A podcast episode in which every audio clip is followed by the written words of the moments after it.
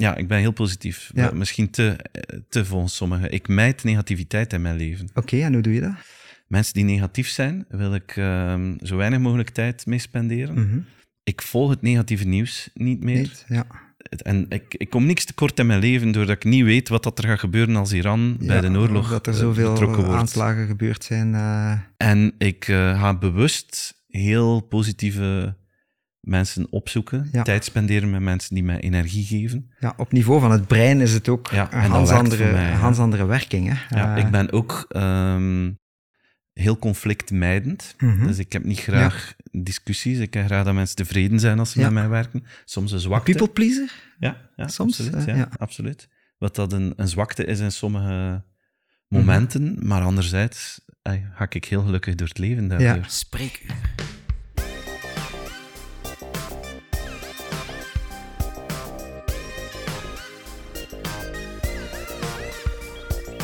Ik ben Steven van Bellegem en ik ben spreker, auteur en ondernemer. Voor mijn eigen gezondheid doe ik de volgende drie dingen. Ehm, ik wandel veel en zwem veel in het, eh, in het seizoen. Eh, ik doe heel regelmatig medische check-ups. En voor mijn mentale gezondheid zet ik heel regelmatig al mijn professionele activiteiten op pauze om opnieuw mentaal scherp te staan.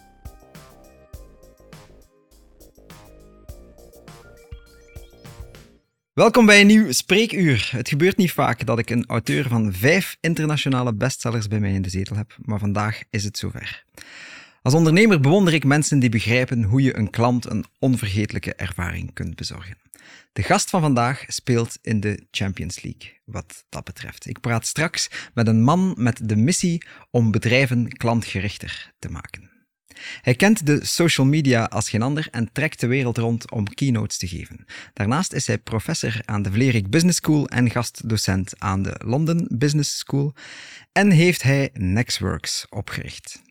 En hij heeft nog vrije tijd, want naast boeken over business schrijft hij ook boeken eh, die we thrillers kunnen noemen. Steven van Bellegem, Servaas. hartelijk dank om langs te komen bij mij in de podcast. Ik ben heel blij met de uitnodiging. Met veel plezier. Misschien voor de mensen die jou niet kennen, wie is Steven van Bellegem?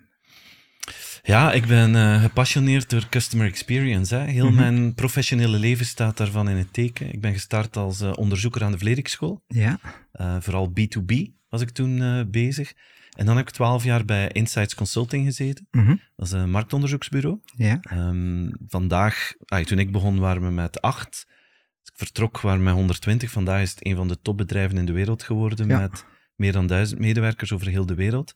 En mijn job was eigenlijk daar om consumentengedrag in kaart te brengen. Mhm. En te proberen begrijpen van hoe mensen bijvoorbeeld bepaalde beslissingen namen door de komst van het internet of Ja. door de komst van sociale media. Dus het, in het hoofd van de klant gaan kijken en dan, wat wil die klant? Ja. En dan, hoe moeten wij ons als bedrijf gaan organiseren om die klant te geven Ja.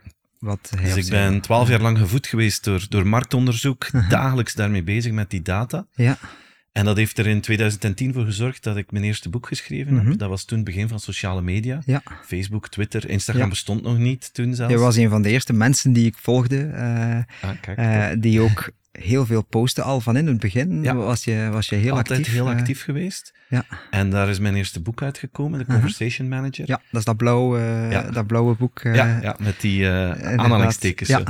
En toen, dankzij dat boek, ben ik eigenlijk in dat sprekerscircuit terechtgekomen. Ja. En dat is begonnen in België, dan Nederland, Mhm. dan is dat vrij snel naar het buitenland gegaan. En toen heb ik voor mezelf beslist van, dit doe ik heel graag. Mhm. En ik wil me daar inhoudelijk blijven op focussen en eigenlijk ideeën creëren en delen rond klantgerichtheid. Ja. Dus rond 2014 ben ik dan fulltime eigenlijk op die lezingen Ja. gaan inzetten, op, op boeken schrijven daar rond. Ja. Dan is de opportuniteit gekomen om Nextworks op te richten samen Ja. met Peter Hinze.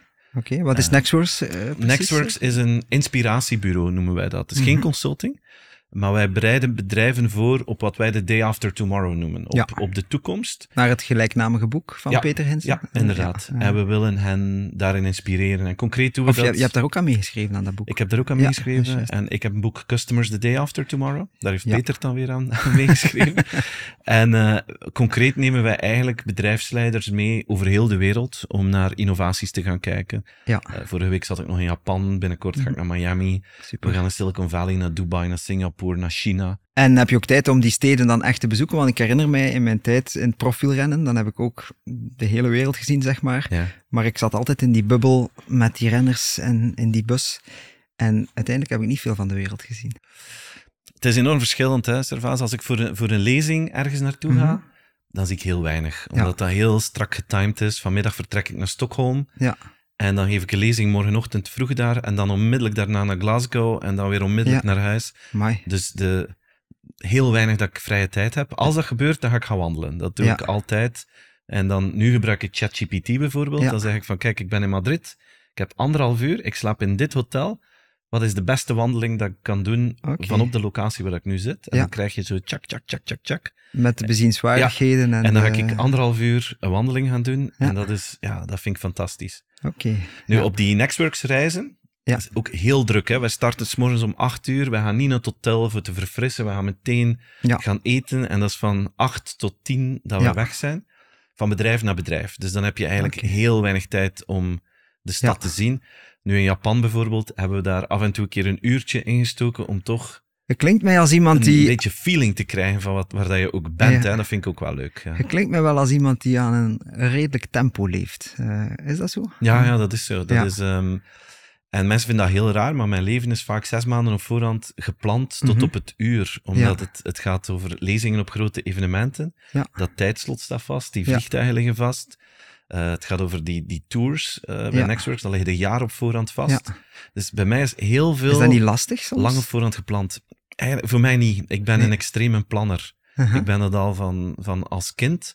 Maar nu, voor mij voelt dat heel comfortabel dat ik weet, ah, dat is in orde en dat is geregeld. En Ja, maar ik heb dat ook wel graag. alle dagen hebben toch verschillen en je gaat toch om met de energie van de dag. Wat als er, eh, als je een keer een dag hebt dat dat een beetje minder gaat en dat, dat je eigenlijk meer baat hebt of dat je lichaam aangeeft van ik heb eigenlijk meer nood om mijn boek in de zetel te kruipen. Eh, Ja, ja dat, dat gaat heel moeilijk. Hè? Ja. Omdat als er mensen zitten, verwachten ze dat je een prestatie Dat doet waarvoor dat ze betaald eh, hebben. En, en het hangt daar heel veel van af waar dat je uitgenodigd wordt. En ik moet zeggen, ik heb daar heel weinig last van. Ja. Ik kan echt wel ergens naartoe werken en die energie altijd oproepen Mhm. om te doen wat ik, wat ik moet doen. Ik stel me er soms ik stel me er ook weinig vragen bij. Ja. Eh, Maar bijvoorbeeld ehm, maandagavond, dus Mhm. eergisteren, is dat? Ja, Nee, dat is eergisteren. eergisteren. Dus ik was teruggekomen van Japan, het s'nachts, de zaterdagnacht. En maandag had ik een lezing in Nederland. En ik had niet zo goed gekeken waar dat was. ja. Het was in Friesland. Mhm. Dus ik rijd er met mijn auto naartoe, maar dat is, dat is, Dat is vrij 400 ver, ja. kilometer. Hè. Dan moet je daar een lezing geven en dan onmiddellijk terug. Ja. Dat ontziek mij dan wel Ja, even. Maar, dan, maar die lezing heeft daar heel last van. Dat kan ik mij Ja. echt in dat moment... dan is dat even de knop omzetten en Maar eh, die terugweg in de denk ik wel van... Ja. Ik ga blij zijn als ik eh, in mijn bed lig. Dat is wel even Ja. eh, op de tanden. En zo on the road zijn en gezond leven, hoe kom, is dat te combineren? Dat is heel moeilijk, hè? Dat Mhm. is een van mijn grote, grote uitdagingen. Ja. Ik, ik, ik eet graag gezond. Ik kook zelf ook altijd Mhm. als ik thuis ben. En we- we- met verse dingen, dat is allemaal perfect. Maar, Maar on the ik road leef, is ik leef heel vaak van benzinestations en Mhm. van luchthavens en van vliegtuigen en van hotels en evenementen. En eh, ik weet niet hoe dat jij dat doet, maar in een benzinestation vind ik niet echt gezonde zelden, dingen. Dus zelden dat is, iets gezond te vinden. Dat is, eh. en dat is- ik heb dan ook weinig tijd, dus dat is rap iets nemen, in de auto al rijdende eten. Dus dat Ja. is het omgekeerde van gezond leven. ja, ja, dat snap ik. Dat snap ik. Steven, de reden dat ik u hier uitgenodigd heb in de podcast is omdat ik het woord klantgerichtheid of customer experience of hoe dat we het ook gaan noemen vandaag, we zullen er verschillende termen voor gebruiken.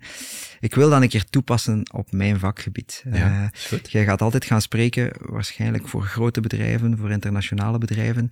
Hoe vaak zit je al gaan spreken voor bedrijven die in de gezondheidszorg werken? Voor de grote farmaceutische bedrijven heel regelmatig. Mhm. Ehm, en dan gaat dat eigenlijk over de verandering van hun salesapparaat. Oké. Ehm, en af en toe, maar niet zo heel veel, maar dat is dan in Nederland altijd, Ja.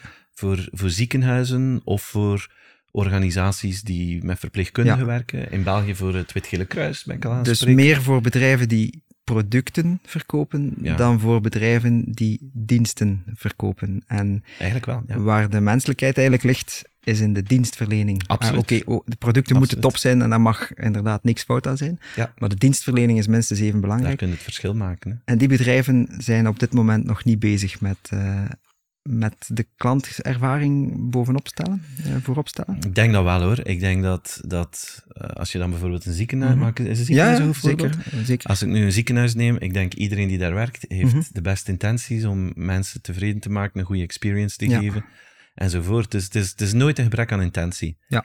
Ehm, eh, maar vaak zijn het kleine dingen Mhm.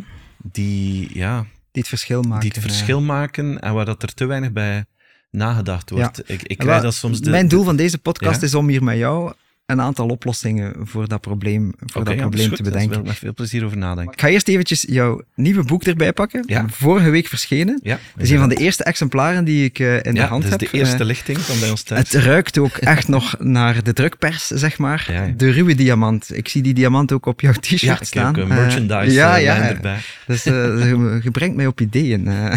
Hoodies, t-shirts, kunt allemaal krijgen, Servaas. Vertel eens, waar gaat dat boek hier over? Ja. Eigenlijk heel simpele filosofie. Mhm. Iedereen wil klantgericht worden. Het zijn maar weinig bedrijven die erin slagen. Ja. De meeste zijn ruwe diamanten. Je wil Mhm. wel, Ja. maar in de executie loopt het mis. Ik heb al veel boeken geschreven die strategisch zijn, Ja, die over de de toekomst waaroms gaan. van deze wereld. Ook En- belangrijk, want als je niet start met je waarom. eh, Ja, absoluut. En, en de visie. uh-huh. Maar de vraag die ik het voorbije twee jaar het meest gekregen heb, is van Steven, hoe doen we dat nu? Ja, En dit is een, een Dus dit is haalboek. echt het hoe. Dit, hier Eh. heb ik eigenlijk al mijn ervaring van de voorbije twintig Ja. jaar ingestopt. ik zie hier ook eh, onmiddellijk al een foto Ah van, is eh, van Els en jou eh, staan. Eh, Evie, sorry. Ja, Eh, Evie en, eh, Evie en Ja, ik, ja. ja. Het is, het is ook het meest persoonlijke boek. Het is eigenlijk gebaseerd op, op al mijn ervaringen. Mijn, mijn verhalen staan erin. mhm. En het doel van dat boek is om iedereen, of dat dan nu een ondernemer is, een medewerker, een leerkracht, een, een dokter, een verpleegkundige, Ja. iedereen die met mensen werkt, aan te tonen van het is niet zo moeilijk als dat je denkt om klantgerichter te zijn. Kost niet Ja. altijd extra geld, kost niet altijd extra tijd, maar het zit in heel veel kleine, honderd kleine dingen zijn veel belangrijker dan Ja. één groot project voor je organisatie. Ja, en de metafoor die je daarvoor gebruikt hebt, is van, we hebben ruwe diamanten, hoe kunnen we die Ja. tot de, de ultieme shining, Ja, eh, sparkling... Het idee of, komt eigenlijk eh, van mijn eh, oudste zoon. Ja. Hij heeft ook eh, een stukje geschreven in het begin erin. Ja, Hij is, hij is into science. Hè? Ja. Eh, je hebt hem nog ooit een keer ontmoet. ehm, op als je vorige boekvoorstelling, vorige denk ik, boekvoorstelling eh, was. hè. Toen eh, was jij daar, Lieven Scheire. En onze Sibbe, ja, Lieven Scheire is zijn grote idool, de science master. En eh, hij had mij op een zeker moment zitten vertellen over die diamanten en hoe, hoe dat, dat werkt en die transformatie. Ja. En ik dacht van ja, Hoe werkt dat, dat? dat is eigenlijk een, supergoed idee. Kun je dat een keer uitleggen? Ja, heel Want simpel. ik vind dat ook zelf Dus je super hebt, boeiend. eh, een ruwe diamant, uh-huh. hè, door de druk van de koolstof ontstaan. En dan moet dat een juweel worden. Mhm. Heel simpel gezegd, in twee stappen. Je moet die diamant helder krijgen, dus al die binnenste barstjes en krakjes allemaal Ja. aan de binnenkant moeten eruit. En dan wordt hij geslepen. Ja. En dat heeft mijn zoon geschreven op, op twee pagina's. Ik was eigenlijk wel onder de indruk van zijn werk, ik was heel Ja. trots. En ik dacht, dat wordt de structuur van mijn boek. Want als Ja. je klantgericht wil zijn, moet je het eerst helder krijgen voor je organisatie en jezelf. Ja. Iedereen moet u geloven dat je dat wil. Mhm. En dan de kleine kantjes bijschaven en dan zijn ze er. Ja, oké. Dus dat is eh, het grote stappenplan. Dus nu moeten we eigenlijk gewoon invullen hoe krijgen we het helder en hoe krijgen we het dan ja, shining en Ja. stralend. Ja, Eh, ja, absoluut. Hoe krijgen we het helder? Ja, weet je, het, het, ehm, veel bedrijfsleiders onderschatten de impact van microbeslissing en microcommunicatie. Mhm. Ik heb al op heel veel events geweest waar ik uitgenodigd word en de, de CEO presenteert een prachtig plan. Ja, Hè, we're customer obsessed, alle mooie woorden, heel overtuigend gebracht. Ja. En dan kom ik voor daar nog wat kracht bij te zetten. Ja. Dat is superleuk. En dan komt er een Q&A. Mhm. En in 9 op de 10 keer loopt het daar fout. Dan heeft Ja. bijvoorbeeld de CEO gezegd: uh, We need to go the extra mile for our customer. ja. En dan vraagt iemand die in de fabriek werkt, die zegt: Ja, maar mevrouw of meneer de CEO, dat gaat toch niet altijd, hè? Want wij hebben Mhm, toch ook ja. onze proces. Ay, die die mensen zien problemen in hun dagelijkse wereld. Terecht heel vaak. En dan zegt de CEO: Ja, maar ja, eh, hoeft u geen zorgen te maken, hè? We gaan. eh, Ja. ay, de, de klant bepaalt niet wat dat wij in de Ja. fabriek gaan doen. Hè? Daar moet je geen zorgen over maken. En dan voelde zo de ontlading al in de zaal van... Ah ja, ja, Ja. hij meende het niet. Het is oké, het is oké. Het was maar een Maar presentatie. dat is iets wat ik heel hard herken, ook binnen mijn vakgebied van de gezondheidscoaching, zeg maar. Ja. brede veld van de gezondheidscoaching. Weet je, wij hebben ook onze mooie theorie klaar, hè, van gezond eten en bewegen, zoveel minuten per dag, en uw slaap Ja. en, en uw stress managen, en, en we weten het allemaal. Maar dan komt dat moment dat iemand zegt van, kijk, ik weet dat dit gedrag eh, naar de tankstations gaan, dat dat niet goed is voor mij. En toch, eh, waar kunnen we die verandering niet maken? Lukt het ons niet om die verandering door te voeren? Ja. Wat kunnen we, wat kunnen we, kunnen we dat proces eigenlijk ook op, op dat ruwe diamant-metafoor gaan toepassen? Ik denk het wel. Het is, ehm, je hebt wat dat je vertelt en dan de kleine dingen, hoe dat je aanmoedigt of Ja. sanctioneert. Ik, ga, ik ga een voorbeeld Mhm. geven en dan gaan we het proberen vertalen. Ja. Maar beeld u in, een medewerker heeft een, eh, een klant gehad met problemen. Ja? En die medewerker heeft echt perfect gedaan. Extra tijd ingestopt, opgelost, kleine 30 euro in geïnvesteerd Ja. van het bedrijf, maar het resultaat is fantastisch. Die klant is super content, vertelt dat aan iedereen. Die, klant, die medewerker is trots, vertelt dat in het bedrijf. De baas krijgt dat te horen en die, met alle details, en die gaat naar die medewerker en die zegt, Servaas, eh, goed gedaan, ik ben blij dat die Mhm. klant tevreden is, heel, eh, heel goed. Alleen, ai, de volgende keer moet je misschien met die, ai, die 30 euro, Ja. hè, dat, daar moet men misschien toch nog een keer over nadenken of dat, dat wel nodig was. Ja. Het is game over, hè. Ja. Dus dat, Dus nog 100 Zo iemand gaat nooit meer initiatief. Die nemen. mens is om bang, die, denkt, eh, die heeft ja. niet gehoord van Mhm. mijn baas is tevreden, die heeft gehoord, mijn baas vindt dat ik die 30 euro niet had mogen geven en die Ja. is nu eh, misnoegd daarvoor. Dat blijft hangen. Dus die gaat dat nooit meer doen. En het zijn dat soort kleine. Beloningen of strafzinnetjes, Ja, noem ik dat, die bepalen wat het volgende gedrag zal zijn. Belonen en straffen is een heel hot topic in de neurowetenschap ook. Hè. Ja. Eh, zowel op vlak van gedragsverandering, maar zelfs ook op vlak van opvoeding, op vlak van eh, hoe gaan we best om met belonen en straffen. Heb jij zicht op de, de psychologische processen die daarachter, die daarachter zitten? Ik, eh, ik heb daar een heel hoofdstuk over geschreven. Hè. Ik heb dat genoemd het Top Gun effect. Ja. Omdat eh, ik Dus ben een grote fan de- van, eh, Tom Cruise. Tom eh, Cruise. ja. de happy ending films. altijd. Feel Good. Ja. Ik weet niet, als je, heb je hem gezien, Maverick, van Tom Cruise? Ik heb de laatste nog niet gezien, maar ik heb wel de Mission Impossibles Ja. van deze wereld. heb Maar moet ik heel specifiek naar, naar, Naar Maverick, kijken. ja. Maverick, omdat dat gaat over het Amerikaans leger. Hè. Dus dat is Mhm. oorlog. Ja? Maar er gaat niemand dood in die film. Er is geen slechterik. Ze benoemen niemand. Je ziet niemand. Zijn geen slechterik. Ja? Je weet op voorhand, krijgt Tom Cruise een missie die niet te doen is. Ja, maar, je weet al- dat hij het, is- dat hij het Ja, gaat hij halen. dat wel regelen, hè. het is een Tom. En dan kun je de vraag stellen, is, dan, is dit nu wat mensen willen? Allemaal positief, Mhm. allemaal feel good, voorspelbaar. En is dat wat dat we willen? Ik kijk dan Ja. naar de hard facts. Eh, Top Gun Maverick had de hoogste review score van, om te even welke film, Ja. in 2022. Had de hoogste revenue score van 2022. Oké. Ik vind het wel interessant om even op door Dus- te gaan, want dan pakken we wel onze nieuwsapp, waar dat we Ja, scrollen tuurlijk, en beloond worden met eh Julke uit weet ik veel welke gemeente die eh, iemand vermoord heeft, of slecht nieuws van de deze, of slecht nieuws van de dat. Waar dat we specifiek op zoek gaan naar negativiteit. Ja. Eh, Maar ja, word, daar wordt toch niet gelukkig van. Hè? nee, het creëert eh, een angstsfeer. En het, eh, ik heb gekeken naar de Science of Optimism. mhm, ja. En wat dat je ziet, is De dat... cijfers tonen eerst en Dus- vooral ook dat we niet gelukkig zijn als we zijn, niet, maatschappij. we zijn niet gelukkig. En, en het is... Ik heb daar met veel mensen in de media een discussie over gehad. Die doemscenario, want het Ja. is niet meer nieuws dat ze brengen. Hè? Nee. Als je Nee, nee, kijkt nee. naar nieuwsapps, dat is geen nieuws. Dat zijn Ja. voorspellingen wat er fout zou kunnen gaan Ja. in de toekomst. Vroeger had je een beschrijving wat er gebeurt. Nu is het, ah, oorlog in Israël. Waarschijnlijk gaat onze energierekening weer duurder worden. Of wat als Iran erbij betrokken wordt. Eigenlijk doen we alle We dingen... alle negatieve scenario's voor de toekomst negatief voorstellen. Mhm.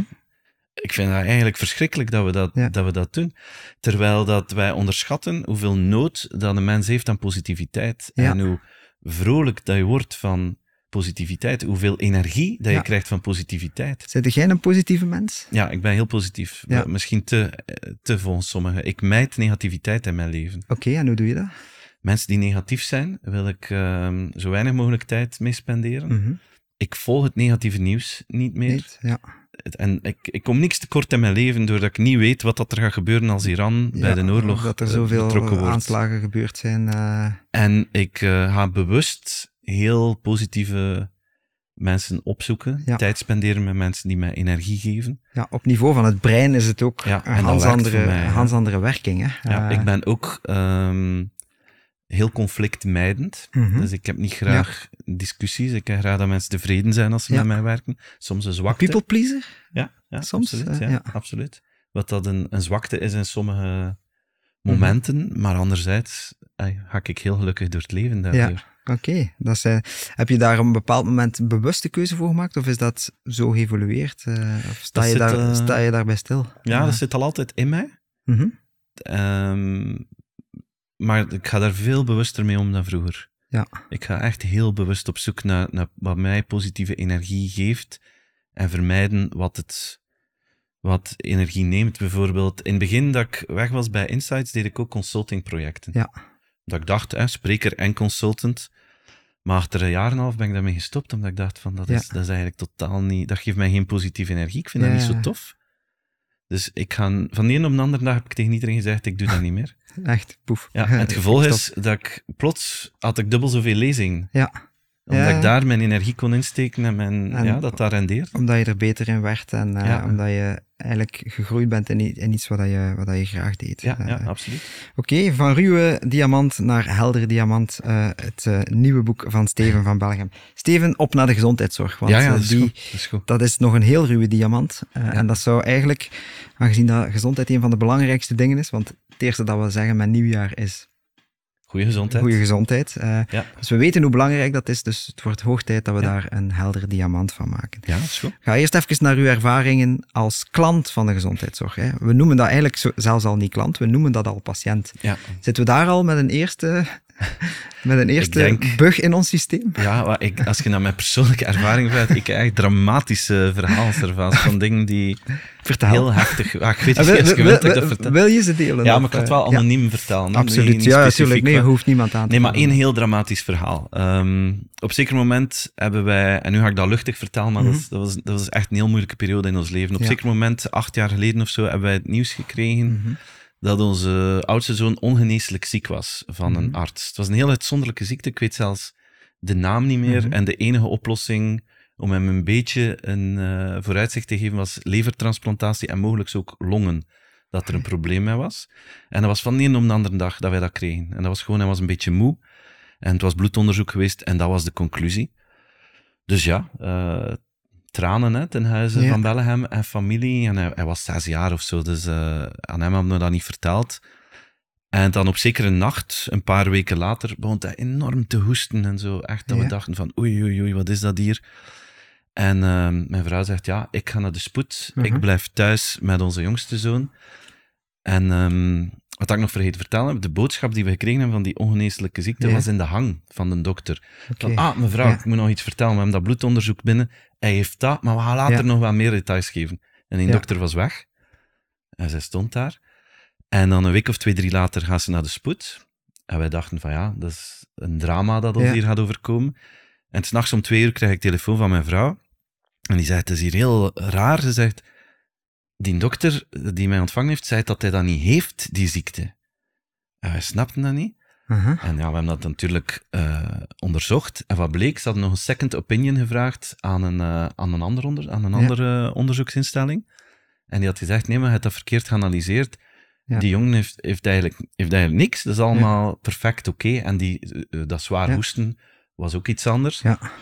En dan zeiden wij aan die dokter, van, wat, wat is het nu? En die zei van, ah ja, maar je moet je geen zorgen maken. Hij heeft eigenlijk niks. Maar eh, ik ben dat vergeten eh, telefoneren naar jullie. Ja.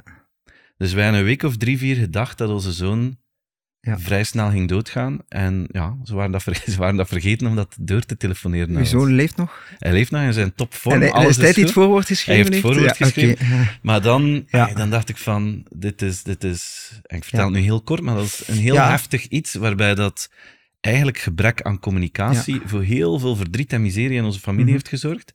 En door een toeval Ja. ontdekken wij dat het niet waar is en dan konden wij bijna niet geloven van, wat is het nu eigenlijk? Hè? Zijn, dat, zijn dat fouten? Ik vind dat een cruciale fout, ja. Mhm. Ja. Hey, je krijgt voor, voor alles krijg je berichtjes. Hè? Als, Ja. je, als uw vliegtuig vijf minuten later vertrekt, Ja. krijg je een bericht. Als uw auto op onderhoud moet, stuurt die auto mijzelf een bericht. Maar als er Maar dit is, gaat over het belangrijkste de- Ja. in uw leven, uw, de gezondheid van uw kinderen, en dat wordt niet gecommuniceerd. Als van, ah ja, Het is helaas Sorry. niet het eerste verhaal dat ik zo hoor. Steven. Ja, het Ja. is helaas niet het eerste verhaal dat ik zo hoor. Communicatie en gezondheidszorg. Dus als we het over klanttevredenheid probleem, hebben, moeten we eerst en vooral iets aan onze communicatie Ja. doen, denk ik. Eh, ja, welke, je hebt ook de Conversation Manager Ja. geschreven. Eh, wat kunnen we doen als, als arts, als zorgverlener, als paramedicus of als mantelzorger? Ja. Want we, we dragen allemaal zorg voor andere Ja, mensen. Dus het gaat zelfs niet alleen om, om professionele medische ja. hulp. Wat volgens blijkt mij. een enorme uitdaging te zijn. Ik weet niet of je dat onderzoek hebt gezien, waarbij dat ze, in Amerika was dat artsen Mhm. laten communiceren met patiënten en ChatGPT laten communiceren met patiënten. Ik heb er eh, iets van gelezen. Eh, omdat wij altijd zeggen, ja, maar ja, de computer is rationeel en dit en Ja. dat, en de mens is de empathische. Ja. Wat bleek, ze hebben duizend patiënten laten communiceren. 72% vond de communicatie met ChatGPT veel beter. Kwaliteitsvoller mhm. en empathischer. Omdat dat machine is nooit, is nooit beu hè, om te babbelen. Je kunt Nee. blijven vragen stellen. En de machine Unlimited time. denkt ook niet aan andere Nee. dingen. Eh dat Nee. machine denkt van ik moet hier een empathische toon eh, geven. Ja. Dus wat, wat zeg je nu? Zeg je nu dat we binnen eh, kort geen gesprekken meer gaan voeren met een arts of dat we het Nee, wat, met een chatbot die, die een menselijke stem heeft gekregen? Het is misschien geen populaire opinie, maar Mhm. ik heb al heel vaak met mensen uit de medische wereld gebabbeld over gebrek aan empathie en gebrek aan communicatieskills. Dat, dat is iets dat men ook weet, dat is geen verrassing.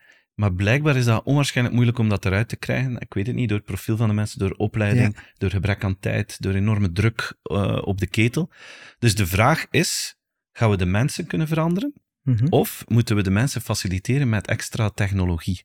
Ja. Ik denk dat de realiteit is dat iedereen die een slecht nieuwsgesprek krijgt, van je hebt een ernstige ziekte en dat Mhm. heeft een grote impact op je levenskwaliteit, thuiskomt en moet bekomen. Ja. En dan duizend vragen heeft. Mhm. En een dokter kan natuurlijk wel een aantal cruciale vragen beantwoorden, Ja. maar nooit duizend. Dus ik denk dat we de, de kracht van die technologie gewoon moeten gebruiken Om dan die duizend vragen om die duizend vragen op een heel goede manier te gaan Of om onze eh, follow-up, want als je slecht nieuws brengt aan iemand, dan weet je dat iemand eerst in die ontkenningsfase Ja. gaat, dat iemand in die woedefase gaat. Ja. Wij moeten eigenlijk die mensen in die verschillende fases teruggaan, want die terug kunnen zien, want die gaan andere informatie horen. Eh, zelfs al zeggen wij exact hetzelfde, gaan ze andere informatie horen in, in welke fase dat ze, dat ze zitten. Ja. Maar, maar zo wordt er heel weinig toch gewerkt eh, op dit moment. Het wordt te Eh, weinig ik vind, vind, hij zegt, ik ga hier een verhaaltje uit eh, vertellen van mijn klantenervaring. Ik heb, zo, ik heb, nog een, ik heb dan een grappig ook. Het is, ah, oké, want ja, Ja. Het is, het is ongelooflijk spijtig dat er niet meer zo gewerkt wordt. En, en, en ik denk dat dat voor iedereen goed zou kunnen Ja. zijn. Eh, Het is heel vaak, als je naar een dokter geweest bent, dan zeggen ze, je mag terugbellen op dat uur ja, voor, voor uw uitslag of dit ja. of dat. En dat, dat is goed. Maar ik denk dat die dokter dat niet tof vindt. mhm. Eh, die moet dan waarschijnlijk tien telefoons op een uur doen. Ja. Dus je hebt eh, zes of vijf minuten per patiënt. Die mens heeft altijd veel meer vragen dan dat jij tijd ja, hebt. Dus die patiënt misnoegt. En ik denk als arts dat je zelf ook denkt, ja, ik heb hier niet... Ja. Ik had hier meer kunnen doen, maar, maar er zijn nog Ja. tien andere wachtenden. Dus ik kan niet anders dan gas geven. Ja, dat is de moment. balans ook als arts. Ik heb nu voor mezelf gekozen van ik doe geen korte consultaties meer. Mijn consult duurt doffies een half uur. En ik telefoneer ook niet, niet graag met de mensen. Eh, dus hashtag mij niet bellen, zeg maar. Eh, Ja, want ziet ze niet. hè? Body language is voilà. een van de belangrijkste aspecten bij communicatie. in een consult lees ik de vraag al, eh, dan als ik een woord gebruik die, die mensen niet verstaan, dan zeg ik, ben Chinees aan het praten. Hè. Eh, ja, oké, ik zal even opnieuw beginnen. Ja. Eh, dus ja, daar begint het al, hè, communicatie. Eh, Ja. je had nog een ander verhaal, een grappig. Ja, ik heb nog een grappig verhaal. Dat is, ik heb slaapapneu. mhm. Dus ik heb onlangs zo'n Slaapapneu is eigenlijk een aandoening waarin dat mensen s'nachts korte adempauzes doen en daardoor eigenlijk microfases hebben van wakker worden. Ja. En dat een enorme slechte invloed heeft eigenlijk op het gevoel van uitgerustheid en zelfs slaapaanvallen kan geven overdag. Eh, Ja. Dus eh, wel een zwaar medisch probleem en een Ja, en ik zit blijkbaar eh. Champions League daarvan. Ik werd Ja. gemiddeld 72 keer per uur eh, Per uur, wakker. dat is Ja. meer dan één keer per minuut. Ja. Eh, ja. Maar het raar is, ik heb nooit gebrek Nee. aan energie of zo gehad. Ik heb Mhm. dan nooit die nadelen gehad, behalve mijn vrouw, omdat ik veel snorkte daardoor. Ja, ja, ja. Maar goed, kijk, op zeker moment slaaponderzoek om dat op te lossen. Mhm. Een klein jaar geleden Dat was voor mij een avontuur. Ik heb, nog- ik heb nog nooit in het ziekenhuis gelegen. Dus dat was voor mij de eerste keer. Dus jij wordt eigenlijk blij van eh Jommeke, ja, ik dacht, in eh, experience in het ziekenhuis. Goh, maar dat was zo, dat was zo grappig, is vast. Dus je weet, bij zo'n slaaponderzoek Ja. veranderen ze je in een soort Terminator. ja, ik heb dat nog gedaan als vakantiejob. Eh, ik, eh, dan ging ik sa- s'avonds eh, naar, naar het ziekenhuis in het UZ en dan hing ik de mensen echt aan,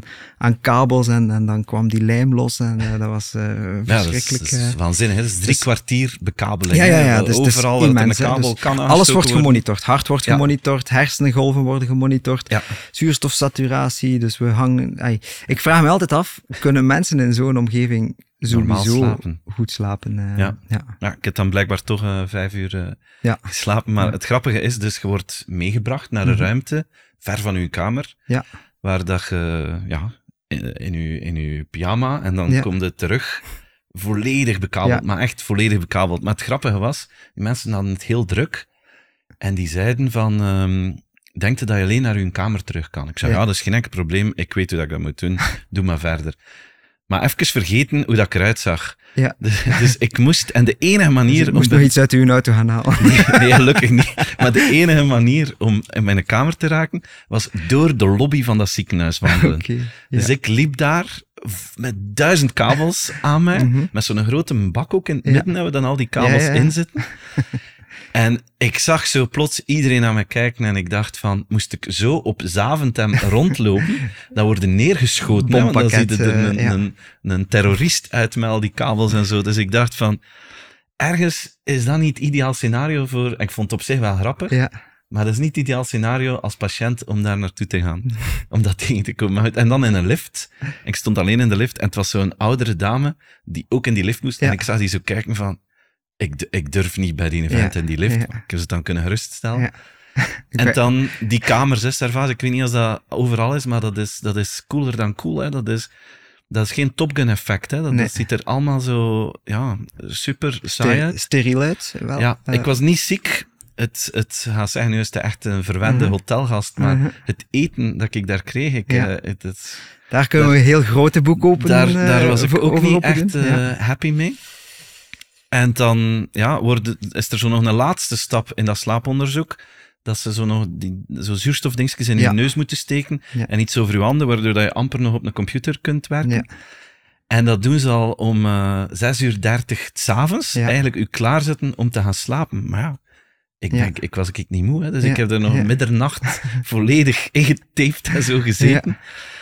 En dan dacht ik van, er zijn heel veel manieren, zonder Ja. dat dat meer kost, zonder Mhm. dat dat complex is, om hier een aangenamere ervaring van Ja. te maken voor, voor mensen. En dat vind ik zo'n een, een missed opportunity. Want niemand graag Ja. gaat graag naar het ziekenhuis, maar je kunt het leuker maken. En misschien is dat N is één, hè? dus dat is mijn Ja. enige experience. Misschien heb ik nu een volledig verkeeld beeld, Maar het is natuurlijk nog... maar het we was hebben, wel interessant. Ik vond het super grappig. hebben- wanneer was dat slaaponderzoek ongeveer? Kun je het even Ik de denk tijd, eh, januari, ja, januari dit jaar. Dit jaar, dus Ja. nog vrij recent. eh, Ja, ja. ja. Eh, want, want, er, Het was ook een, een nieuw ziekenhuis, dus het is niet een oud ziekenhuis. Want de technologie is stilletjes aan ook op de markt aan het komen om mensen een iets acceptabelere bekabeling eh, via een bakje mee te geven en hen twee of drie nachten thuis te laten staan. Ah, kijk, dat wist ik Eh, nog niet. Ja, in de States is er, ik ben even de naam kwijt, eh, is er een start-up die, die echt een medical device heeft eh, om ook die hersengolven te gaan meten. Dus technologie gaat ons de volgende jaren volgens mij heel veel brengen. Dat, dat ons zal ondersteunen om die, Ja. om die klantenervaring te gaan optimaliseren. Eigenlijk, met een beetje extra technologie kan iedereen, Mhm. niet enkel iemand die daar last van heeft, maar iedereen zijn slaap perfect Ja. monitoren en dat je een warning Voilà. krijgt via een nieuwe soort Apple Watch die zegt van, jij moet, jij moet zo'n Ja. slaaptoestel hebben om te Plus, helpen. ik heb ook veel liever de slaapdata van u thuis. Want Tuurlijk. daar slaap je. Eh, dan van in een ziekenhuis waar dat je u van 6 uur 30 tot 12 uur hebt zitten opvreten, Ja. omdat je niks meer kon doen. Ja. Want ik kan mij er wel iets bij voorstellen als, eh, als zoiets gebeurt. eh. En ergens dachten we dat, dat COVID een gamechanger ging zijn in, in dat verhaal. Hè? Ja. Eh, omdat we, maar dat blijkt nu toch niet zo te zijn. Eh, En op welk vlak hadden jullie dat? ja, op vlak van, van dat we ons dat we eigenlijk die, die klant belangrijker gingen, eh, gingen maken. Dat we, Ja. In, ja, in, als, als specifiek in de medische zelfs, sector? Zelfs niet specifiek in de medische sector. Op een bepaald Ja. moment moesten we allemaal stilstaan. Eh, Ja. de, de wereld viel uit. En we stonden eigenlijk allemaal stil bij, bij ja, we hadden niet, niet veel anders meer dan even stilstaan bij onszelf. Klopt. Ik had gedacht dat we hier als, als groep mensen sterker gingen uitkomen en weer meer gingen, gingen kunnen zorgen voor elkaar. Ja.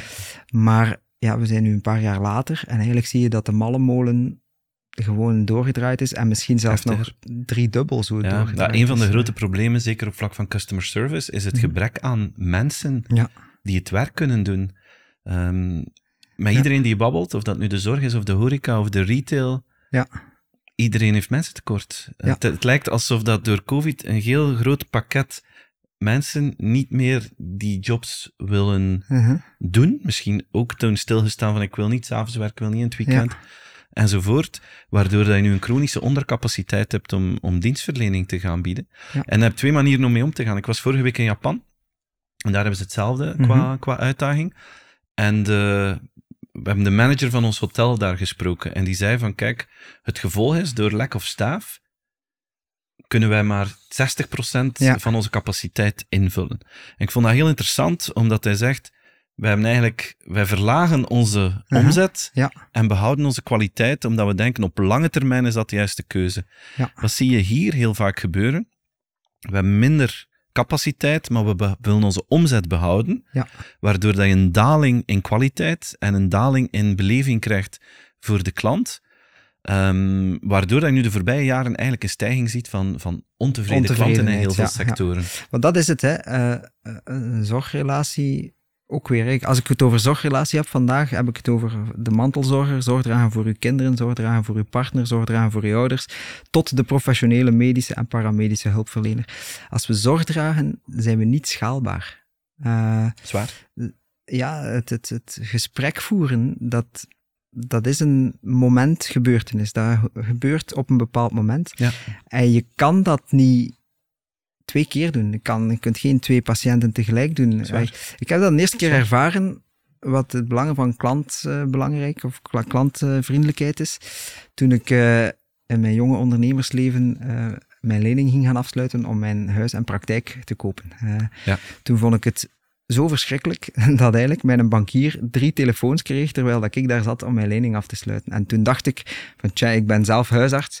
Ik krijg waarschijnlijk 30 telefoons op het moment dat er iemand eh, bij mij zit. Eh, en dat is voor mij echt een, een klik geweest om te zeggen van ja, maar ik ga iemand anders mijn telefoon laten oppakken, Ja. zodanig dat ik met mijn patiënt kan bezig zijn. Ja, en dat rendeert. Ja. Hè. We, we, zien, Ja. we zijn soms overfocust op de korte termijn kosten en Mhm. niet op de lange termijn rendementen die daaruit komen. Ja. Het feit dat je al je tijd in je patiënten, Mhm. in je expertise kunt Ja. steken, verhoogt de kwaliteit. Net zoals bij u. Het feit dat je gestopt bent met die consulting, Ja, maakt tijd voor keynotes, maakt tijd dat je betere boeken kan schrijven, dat je Ja. betere content kan ja maken. tijd is ons meest schaarse goed. Hè. Ja, en het is in de tijd die we hebben dat we moeten zorg dragen voor iets wat we één keer krijgen. Ja. Eh, sommige mensen krijgen het heel goed, andere mensen hebben al een beetje pech dat ze het niet 100% krijgen, maar dat is Ja, gezondheid. Hè? ja, absoluut. En daarvoor ga jij wandelen en zwemmen. Ja. Doe je van tijd tot tijd medische check-ups en gaat je, ga je eigenlijk eh, af en toe op pauze gaan staan. Ja. Eh, ik ga beginnen met dat op pauze gaan staan, Ja. Steven, want ik, eh, ik leef zelf ook aan een redelijk hard tempo. Ja, dat weet ik. Ik ben soms het slachtoffer van mijn eigen enthousiasme en mijn eigen ideeën. Eh, hoe doe je dat? Op pauze gaan staan, zonder schuldgevoel, zonder ook impact, zonder negatieve impact op uw, Ja. op uw business eh, als ondernemer. Het is eigenlijk ontstaan eh, vlak nadat we Nextworks hadden eh, Mhm. opgericht. Dus ik spreek nu ongeveer tien jaar geleden. Dat is zo'n een kantelpunt geweest voor ons. We hadden Nextworks. Ja, En Nextworks was Peter Hinsen en ik eigenlijk grotendeels. Met ons twee deden we al die reizen. En dat was ook het punt dat mijn vrouw besliste om haar job bij het Ja. Wit Gele Kruis te stoppen en mee te helpen met... eh, ze was er eigenlijk beter komen was. bijzitten hè, als eh, expert. Ja, zij, zij is een heel belangrijke rol in veel Ja. van die beslissingen geweest.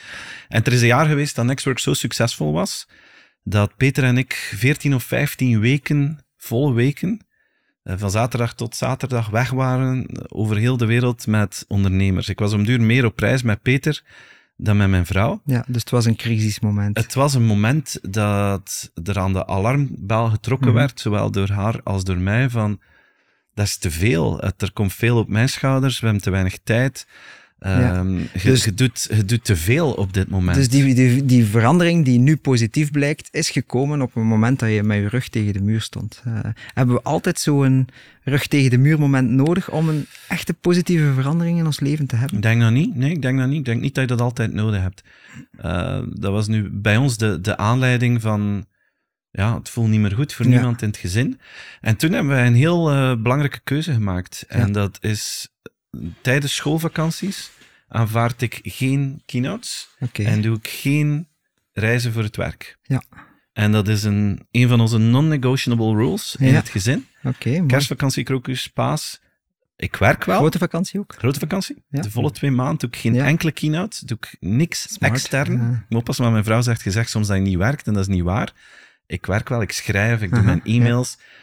Maar ik ben niet weg van huis. Ja. Ik ben niet weg van het, van het gezin. Het is niet aanstaan zoals dat je anders aanstaat. En voor Ja. mij is dat, je weet dat ook, eh, Mhm. als je performt voor een audience, als je iets doet waar dat er publiek is, Dat vraagt energie. dat vraagt mentaal Ja. eh, energie. Ja. Dat is geen lastige job fysiek, dat, Ja. is, dat is een heel toffe Het job. geeft ook energie. Het geeft ook ja. energie, maar je moet elke keer performen. En het zijn veel Ja. mensen aan het kijken naar wat dat je doet, dus dat moet elke keer goed zijn. Mentaal vraagt dat elke keer, Maar vraagt niet elke job een inspanning?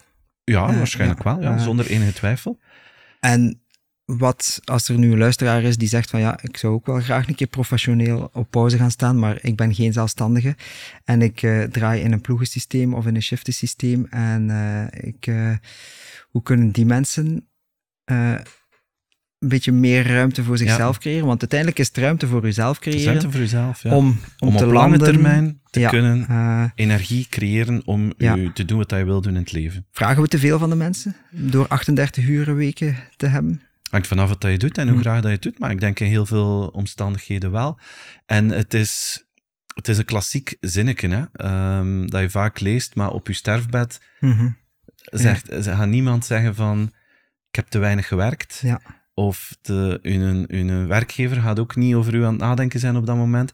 Ja. En dat klinkt heel hard, maar in het leven moet je soms ook gewoon jezelf een keer op de eerste plaats kunnen zetten. En een keer gewoon reflecteren van wat is voor mij belangrijk. En wat dat voor mij werkt, is voor jou anders en andersom. Maar ik vind dat heel belangrijk dat ik in de vakanties er ben voor mijn gezin. Ja. En wij reizen ook veel. Dus wij, ik probeer ook eh, samen met mijn vrouw als kinderen een stukje van de wereld te Ja. laten zien. En dat is voor ons iets wat een ongelooflijk waardevol onderdeel in ons, in ons leven is. En het, het moment dat het lastig is, Mhm.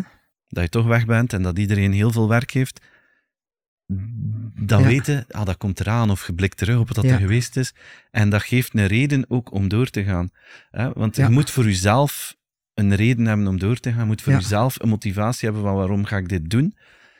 En ik denk dat we soms te weinig durven kiezen voor onszelf Ja. in het leven. Wel, wat ik, wat ik nu, nu zit te denken, dus als, als, als leerling van u, zeg maar, of eh, jij als mijn mentor, is van ja, Servaas, het is misschien geen slecht idee om af en toe een keer gewoon een week te blokkeren in uw agenda. Geen externe afspraken, maar gewoon schrijftijd. schrijftijd. Want Ja. schrijven is iets wat ik heel graag doe. Tijd voor nodig. Maar waar dat ik niet toe kom, en dus als ik niet naar een uitgeverij bel Ja. en zeg van ik wil een deadline om op die dag het manuscript klaar te hebben, is het dus een van de projecten die ik wel heel graag doe, maar die uitgesteld wordt. Ja. Ehm, eh, en dat is een beetje het probleem. Ja, van snap ik. En Het is de projecten- fear of missing out, hè? Ja, projecten met een deadline, ja, daar, daar komt die deadline altijd Ja. vroeg genoeg eh, kijken om, om, om het dan toch uit te voeren.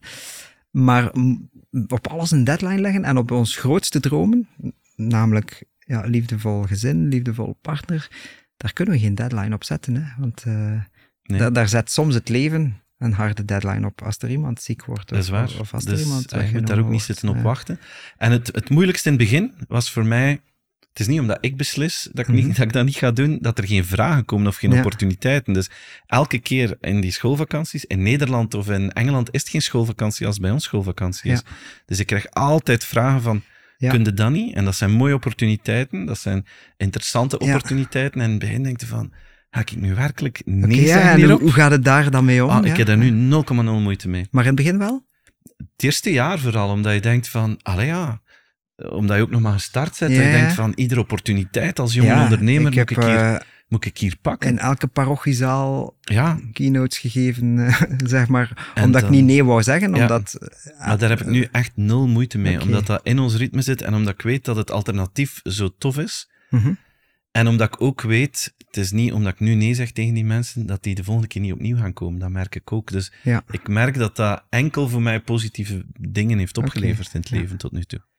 En laat ons dat eens extrapoleren. Zeg je nog op andere dingen nee ook in het leven? Eh, die niet professioneel? Eh, dus hoe, hoe bescherm je jezelf? eh? Ja, dus wij hebben een professioneel druk leven, maar ook sociaal. Mhm. Wij hebben heel veel mensen dat we mee afspreken en vrienden, en dat is altijd tof. Dus dat is ook georganiseerd, of dat lukt Ja, niet in de... Dus strakke planning agenda, van ja. uur tot uur? Nee. Dus dat betekent eigenlijk dat de realiteit voor mij is dat ik op heel veel dingen die last minute komen, niet anders Ja. kan dan nee zeggen. Soms dingen Ja. dat ik leuk vind, maar er staat al iets anders in gepland. Dus ik ben een Ik enorm herinner mij dat ik u ooit eens gebeld had. Ik weet niet meer voor wat het was, maar eh, en dat het heel last minute was. eh. Ja, soms lukt dat. Hè. En dat Dus het, eh, nee dus- was. Het is goed dat mensen dat vragen, maar het is heel Ja. moeilijk om met mij af te spreken op korte termijn. Ja. En wat ik eigenlijk bijna altijd nee zeg, is vrijblijvende, vrij, vrijblijvende meetings. een koffietje bij, gaan bij u zal dat ook zijn. Ja, hè. eh, Ehm, ja. Ik krijg heel veel berichten dagelijks van. Ik heb iets super interessants Ja. dat ik mee bezig ben en ehm, wil ik hier uw opinie over? En kunnen we een koffietje gaan drinken? Ja. Of ik wil een keer dit bespreken. En hoe hard dat, dat ook klinkt, maar mijn standaard antwoord is altijd nee. En dan Hm. miste wel ook opportuniteiten, maar als je Ja, dat elke keer in de weegschaal legt, Eh, het is heel uitzonderlijk dat ik daar ja op zeg. Ja. Maar dat creëert de tijd en ruimte voor... ah, die boeken schrijven zichzelf ook niet. Je hebt Nee. je voorbereiding, je hebt je gezin. Al die dingen samen. Als ik daar bovenop Ja. de vrijblijvende ontmoetingen leg... Dus als ik Lukt u voor een niet. vrijblijvende meeting wil, dan moet ik, eh, moet ik er eigenlijk een reden op zetten. Moet ik eigenlijk zeggen, Steven, ik wil u een bepaald project pitchen, omdat ik uw expertise even Ja. nodig heb om te kijken eh Maar wat je hebt de een volgende streepje stap voor. Hè. Je zit in de categorie mensen die ik goed ken en die credibiliteit hebben opgebouwd dat interessant is als je iets vraagt. Ja, Dat is anders. Het is heel veel mensen die je niet ja kent. maar, maar ik ken, ik hè, ken het ook. Ik, eh, maar ik heb, heel, ik heb heel veel van die meetings gedaan in mijn leven. Pas op, Ik heel ook. veel van die meetings hebben mij heel veel geleerd ook. Ja, mij ook, Eh, mij ook. En je mist kansen sowieso, dus, want eh, alle mensen zijn interessant. Maar het is, ja, ja. je kunt niet op alles ja zeggen of, of ik kom niet Ja. rond voor alle projecten die ik zelf wil doen, Oké. waar te maken. Laat ons even eh, naar, die, naar die technologie gaan. Hè. Ja, dus eh, we weten dat de gezondheidszorg eh, de richting van de vier P's gaat uitgaan. We gaan preventiever gaan werken, we gaan eh, participatiever gaan werken met platformen. We gaan gepersonaliseerd werken. En we gaan predictieve modellen bouwen. Dat is iets wat we in de klantenexperience al jaren doen. De NPS-score bijvoorbeeld. Mhm. we, we kunnen klanten vrij goed voorspellen. Hè. Klantengedrag. Ja. niet alleen met advertenties. Ah, Ik bedoel, als je een rode broek eh, googelt, dan Ja. gaat je drie weken lang advertenties zien Van van, rode eh, broeken. van rode broeken. En, Ja. en waarschijnlijk weet het algoritme perfect wanneer dat je de broek gaat kopen. Eh, is, mogen we het ons zo voorstellen dat het, dat het zo werkt? In die, in Ik vind die- dat dat eigenlijk nog niet goed werkt, in alle eerlijkheid. Ja. Omdat het is een heel simpel systeem. Je kijkt naar een rode broek en dan overal waar je komt, krijg je die rode broek. Ja. Sterker nog, als je die rode broek gekocht hebt, Krijg je ze nog? dan blijven ze nog komen. Ja. En, en dat is volgens mij de grote frustratie van Mhm. de consument. Dat je, je- voelt Ja. hoe het werkt en dan denkt ze kunnen het nog niet eens goed. Ja. Dat is de sterkte van TikTok bijvoorbeeld bij, jongeren. Hè? Die advertenties, die dingen zijn veel beter gepersonaliseerd, veel meer gericht op het individu.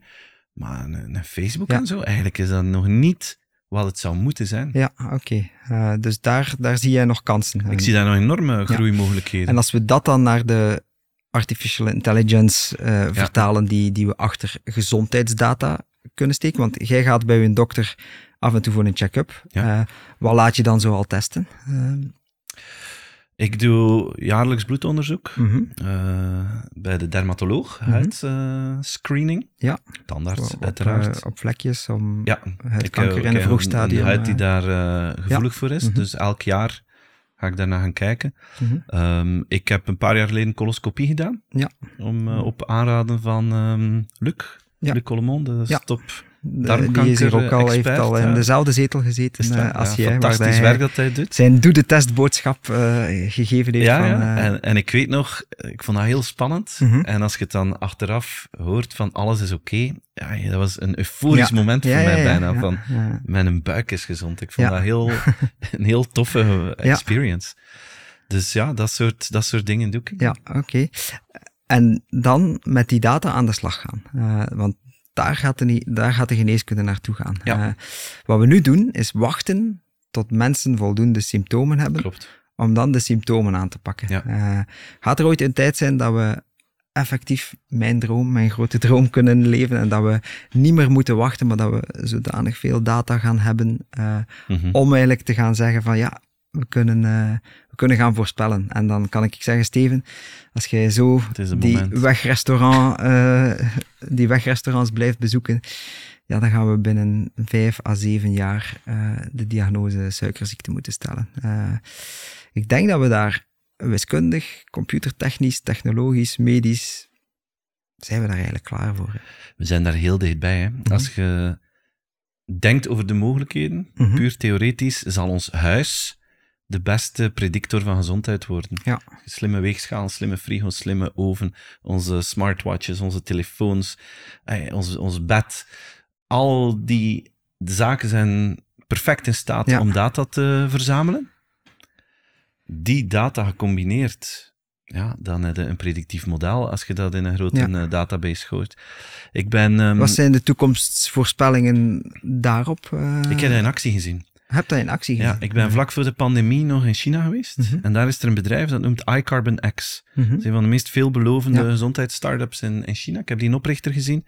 En die doen dat. Die, die, als je met hen in zee gaat, Ja. dat is eigenlijk een beetje zoals veel dingen dat jij doet. Hè. Dus Ja. je komt naar een, een locatie, ze doen van alle testen, check-ups. Ja. Maar ze geven nu ook van alles mee naar huis.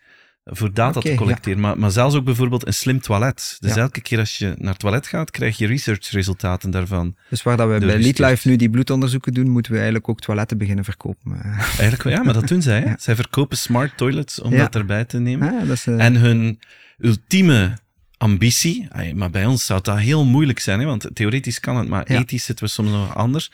Hun ultieme, ambi- hun ultieme ambitie is om ook eten daarbij te zetten. Dus dat je bijvoorbeeld alles dat je eet een foto neemt en uploadt in Ja. je database.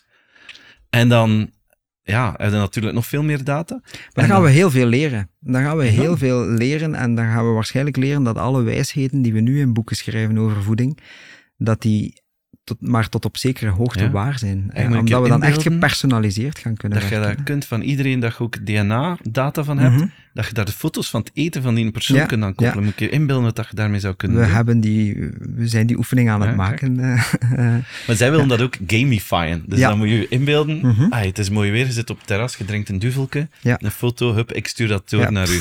en uw scorebord gaat, gaat onmiddellijk weet, eh, Dat blijft nooit bij een duvel, dus hup, een tweede. En dat ik een Ja. bericht krijg van Servaas, de Servaas-bot, die zegt, Steven, you just lost two days Are of you your life. serious? Eh, Ja. question mark, question En een foto mark. van een tomaat ernaast. Ja. Ah, ja, weet ik niet als we dat zo tof zouden vinden, maar in theorie kun je zo echt Ja. het- je, je gezondheid gamifyen. Hè? Ja, maar we zijn dat toch aan het doen? We gaan, we gaan daar toch naartoe? We Eh, gamifyen alles. dat Dus gaat is- realiteit zijn. gaat realiteit zijn. En volgens mij niet meer zo lang duren, toch? Ah, ik beeld mij ook in met ChatGPT. We hebben Ja. allemaal generative AI leren kennen. Ja. Super tof. Dr. Google is oud. Ik vind dat wel, ja. Eh Dr. Google, Google is afgeschreven, want ChatGPT weet het veel beter. Ik heb experimenten gedaan. ja. Eh, bloeduitslagen, uiteraard geanonimiseerd. eh, gewoon poef in ChatGPT gestoken. En gevraagd van, kom, wat zijn hier de belangrijkste aandachtspunten die ik hier moet uithalen? Wow. En pas op, het, is een, het blijft een machine. Het is geen medische, ge- geen medical device. Maar het gaat wel de goede richting uit. Eh, wat dat, Ja. die chatbot mij eigenlijk zei op basis van. eh, en als ik er dan nog de klachten en de symptomen van de patiënt bijgeef en mijn klinische bevindingen bijgeef, ja, dan zitten we niet ver van, eh, van wat een machine eigenlijk veel beter kan dan een menselijk brein. En als we dan die data van nu daar Ja. blijven aan toevoegen, Voilà, want ik ben overdag slimmer. Hè? Met die mens eh, aan het praten, een consult aan het doen. Maar ergens is er zoveel ramgeheugen in mijn brein dat bezig is van, ah, morgen is donderdag en moet ik de vuilzakken buiten Ja. zetten, bij wijze Ja, van tuurlijk, spreken. Dus, eh, dus dat is een realiteit die, die erop afkomt. Alleen zal de vraag zijn van, hoe kunnen we menselijk blijven? En daar heb jij het ook eh, heel vaak over. Hè? over weet je, de vraag, zal de technologie de arts vervangen? Of gaan we naar een samenwerking, gaat fantastisch teamwork worden? Samenwerking, hè? zonder Ja. enige twijfel gaat samenwerking worden. Het gaat ehm, heel wat taken vervangen, Mhm. maar het gaat niet de mens vervangen. Ja. Foto's analyseren, bloed analyseren en daar feedback Ja. op geven. Eigenlijk is het zot. Ja, bij foto's gebeurt het al. Hè? Pixel recognition ze kunnen radiologie. beter- ehm, eh, wat was het? eh, kanker detecteren, denk ik, dan eh, een lagere foutenmarge dan bij een mens. Maar dan een dokter moet bellen om de resultaten van een bloedonderzoek te bespreken. Mhm. Dat is eigenlijk waste of talent. Hè? ja, dat is, dat is ook enorm duur voor de maatschappij. Hè? Zeer duur. Ja, en in, ja. in 95% van de gevallen is er toch ook geen nieuws te Ja. vertalen, denk ik. Dus Of gebeurt er zelfs geen opvolging als er zelfs iets zou moeten gebeuren, Ja. omdat die een arts op dat moment eigenlijk met andere dingen bezig is. Ja. Het is ook een kwestie van tijd voordat wij een, een app hebben die echt onze partner in, in, in healthcare, hè, Mhm. in gezond leven is, die, alles, eh, die iCarbon X bij ons in actie. Ja. Dan moet hij maken, hè, Servaas. Ik ben er volop mee bezig. Dat is een- Eh, dat is een voor de mensen die al even willen gaan kijken, eh, schaamteloze reclame, www.leadlife.com. daar. Maar Steven, wat kunnen we nu doen als klant slash patiënt en als zorgverlener om ons klaar te maken op die grote golf van dat technologiegebruik eh, en die artificial intelligence Ja. die er Het eerste, te het eerste dat ik raar vind in heel die discussie is de angst van de maatschappij dat dat jobs gaat wegnemen. Ja. Ik snap dat niet, want eh, eh, als je babbelt met de mensen in de zorg, het grootste probleem is toch ja, human resources. te weinig mensen. We hebben er te weinig. En dan komt er een systeem dat bepaalde taken kan ontlasten. Mhm. En dan slaat de wereld in paniek van oei oei, ik ga zonder werk zitten. Ja, Dat versta ik niet. Ik denk dat dit de ultieme kans is die wij hebben om ja, ondersteund te worden Mhm. op een manier dat we nog nooit gehad hebben Ja. in tal, tal van jobs. Misschien hè, op lange termijn, Servaas, gaan we een drie dagen werkweek krijgen Ja. Door de komst van AI. ik teken onmiddellijk. Ja, natuurlijk. Ja, Dat kan eh, toch, dat bepaalde taken ontlast Ja, worden, want- productiviteit stijgt, dus je blijft hetzelfde betaald. Maar da- daar, zijn veel efficiënter. wat is de evolutie daar, Steven? Want er zijn heel veel... ah, we hebben het nu over, over datamodeling en, en dit en dat. Maar al die simpele dingen die we moeten doen, e-mailtjes maken, afspraken maken, Ja. agenda's samenvoegen, zorgen dat als we met vier mensen moeten samen zijn, dat die Waste agenda's time, kloppen. Dat kan, dat kan toch al allemaal door AI gebeuren. Dat Eh, gaat allemaal eh, eh, op korte termijn beschikbaar zijn. Ja. Hey, als je ziet, eh, Microsoft met hun eh, Copilot, Mhm. die ze maken, een AI-assistent, die gaat heel binnenkort werken op Word en Excel en PowerPoint. Ja. Die kan ook een Teams-meeting bijvoorbeeld, als mensen Ja. online een meeting hebben, meeluisteren. Ja. Dan kunnen ze zeggen, maak mij een verslag van die meeting. En de to-do's en lijsten to-do's Ja, op. eh, to-do's ja. naar iedereen. En maak een PowerPoint van drie slides met de belangrijkste conclusies van deze meeting. Ja. Zoom. En stuur die naar iedereen. Eh, Van natuurlijk. ja, en moet niks doen, gewoon dat commando geven. ja, Of een Excel met Mhm. tienduizenden cijfers. En je zegt, ik moet nu een samenvattingsje hebben van een, een one-pager over deze. Excel. Hoe wordt er nu niet gesukkeld met memo's maken, presentaties maken? Waste of people's time. dat is waar. Dat we dat kunnen automatiseren. Dat gaat een schokgolf, positieve schokgolf, door de. Door de markt sturen. Ik ga eerlijk zijn, ik heb voor de voorbereiding van deze podcast ook, ChatGPT ook gebruikt. ChatGPT gebruikt. Ik heb gevraagd aan ChatGPT van, eh, vertel me een keer wat meer over Steven van Bellegem.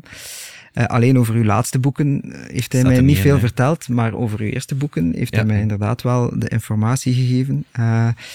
Dus ja, het is frappant wat we, wat we ermee kunnen doen. Pas op, er staan fouten in. Ja, Stefan, dat Eh, ook denk- van de kennis Engels. Ik heb een keer Ja. gedaan met, met Lieven Scheire, hebben we de test gedaan. Mhm. What can you tell me about Lieven Scheire? Het Ja. staat vol met fouten. Ja.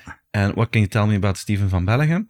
Dus eh, 99% juist. Ja. En hoe komt dat? Wat Lieven is veel bekender, iedereen weet veel meer over Er hem. staat veel meer... eh, Engelse content. Oké, Er staat, bij mij staat alles in het Engels, bij Lieven staat het meeste in het Nederlands. oké. En het model heeft dus blijkbaar meer moeite Mhm. om van hem de correcte analyse te maken door die Ja. Nederlandse content dan van mij. Ah, Oké, ja. Eh, En het stopt in 2021, op dit moment. Hè? Ja. Maar ze zijn ook aan het werken om dat in real time te, te Ja, maken. hè. en wanneer komt dat eraan? Kunnen we dat al voorspellen? Ja, maanden, eh, maanden. Microsoft en Bing zijn daar, eh, hebben daar een paar dingen gereleased. Dat En dat dan gaat Google eh, gedaan hebben, denk ik. Google is daar ook mee bezig. Hè? Ja. Met En de is- Google Bart, maar die is in Europa nog niet beschikbaar. Hè? Nee. Het is... ja, het gaat heel snel Ja. aan, denk ik. Ik denk dat ze bij Google zich daar zorgen over maken. Ja. Maar je hebt natuurlijk ook de gewoontedieren onder de mensen die Ja. daar, daar blijven zoeken. Maar het is, ehm, het is toch spectaculair. Laat ons hopen dat ze één ding niet doen bij. OpenAI of Microsoft. Dat ze er een advertentiemodel van maken. mhm. Ja, Nu wel, moet je 20 euro per maand betalen. Ik vind dat, ik vind dat super. Op het moment dat advertenties worden, kijk naar de eerste pagina van Google. De helft is Ja, ja. betaalde, gemanipuleerde content. Uw zoekresultaten zijn beïnvloed. Hè? Ja. We gaan straks nog dieper over die ethische bezwaren rond al die technologie hebben. Maar we gaan eerst eventjes iets anders doen, Steven. ja. We gaan naar de Two Truths and One Lie Show. Vind ik mega spannend. Welkom bij de spannende Two Truths and One Lie Show van Spreekuur. En vandaag zal Steven van Bellegem ons verrassen met drie fascinerende verhalen uit zijn leven. Maar één van die verhalen is gewoon een flagrante leugen. Nu is het zo dat jullie ook via Instagram kunnen deelnemen aan een wedstrijd. Kun jij raden welk verhaal de waarheid is en wat de leugen is? Hoe doe je mee? Heel simpel. Plaats een bericht of story over Spreekuur en vermeld A, B of C, gebaseerd op welk verhaal dat je denkt dat een leugen is. Doe mee met de hashtags Two Truths, One Lie of Spreekuur en tag zeker Steven en mezelf. We maken de winnaar binnenkort bekend en die gelukkige persoon ontvangt een heel speciaal geschenk, namelijk De upgrade. The Upgrade, een van de fictieboeken van Steven. En ik zal er een boekje van de klik bovenop doen. Eh, dus hou zeker onze social media in de gaten, want daar gaan we binnenkort de ultieme reveal doen van wat Steven nu als leugen gaat zeggen. Ja. Steven, Drie verhalen. vertel me drie dingen waarvan er maar twee waar zijn. Oké. Verhaal 1. Wij A, gingen... verhaal A. Verhaal A, sorry. Wij gingen op reis naar Australië. Mhm. Deden een tussenstop in Dubai met ons gezin. En bleven daar één nacht slapen voordat we op de volgende vlucht gingen. En wij komen in ons hotel. En mijn vrouw zegt, oei oei, ik ben mijn gsm, mijn iPhone vergeten op dat vliegtuig. Ja, paniek, want de volgende ochtend gingen wij al op een ander vliegtuig naar Australië en je Ja. wilt die gsm mee. Maar goed, je weet waar dat je zit op het vliegtuig, dus Ja, wij bellen naar Emirates en ik dacht, die staan gekend voor goede customer service. Dus we leggen dat uit. ja uw voorkennis natuurlijk. Ja, dus ik dacht, dat komt wel goed. Dus ik leg dat uit en die zei, ah, geen probleem, we geven een centje terug, we gaan dat zeker terugvinden. En dan kunnen we dat morgen ophalen op de luchthaven. Ah ja, dat is goed. We wachten een beetje. Plots krijgen wij een. Van ja, we hebben een telefoon gevonden, maar er is een security issue met die telefoon. Wij kunnen die niet zomaar teruggeven. Je moet je pincode geven. Ik zei, ja, dat ga ik niet, ga ik niet doen. Hè. En dan eh, zeggen ze van ja, er is toch een security issue. We gaan, je moet zeggen welke foto dat er op, de, op die telefoon staat. En Mijn vrouw en ik nadenken van wat is dat weer dat op die, op die gsm staat. En eh, plots viel onze frank. Dat is een foto van mijn vrouw met president Obama erop. Ja, We hebben die ontmoet in Amsterdam eens. Ja. En zij had het op haar telefoon staan. En die waren in paniek geschoten bij Emirates. Dat zij dachten van, ja, dat is hier gelinkt aan, eh, aan Obama. Ja, En het moment dat ze wisten dat we de waarheid spraken, dan ontstond er een soort VIP-service. Ze hebben die telefoon naar ons gebracht met een legioen. Die telefoon Ja. was gewoon verpakt. En die zeiden, here you go, and we hope everything is, eh, is fine. ik, ik zou het wel heel cool vinden moest dat waar zijn allemaal. hè. Dat is een tof verhaal, hè? Tweede verhaal. Verhaal B. tweede verhaal speelt zich af in Hongkong. Disneyland. Wij zijn heel grote Disney-fans. En een van onze ambities is om alle Disney-parken in de wereld ooit eens bezocht te hebben. Customer Journey gewijs is dat natuurlijk wel het schoolvoorbeeld. Dat is van, mooi. eh, ja, nu moeten we enkel nog Shanghai doen. Dus Ja. maar goed, we waren in Hongkong een paar jaar geleden. En wij liepen daar in die Main Street. ja. En op zeker moment komen er eh, een paar mensen naar ons. En die zeggen van, we have a special request. Er is hier een eh, speciale ceremony Ja. vandaag. En wij zouden graag hebben dat jullie die ceremony leiden samen met Mickey en Goofy en Pluto met jullie gezin. Maar het liep daar tienduizenden mensen. Hè? En Ja. wij zo, ah ja, ja, dat is goed, we gaan dat doen. Dus wij werden apart genomen. en voordat we, en aan het, rond het kasteel was zo afgezet met touwen. Ja. En eh, voordat we het wisten, stonden wij op dat podium van dat kasteel Ja. met Mickey, Minnie, die dansjes zo deden rond ons.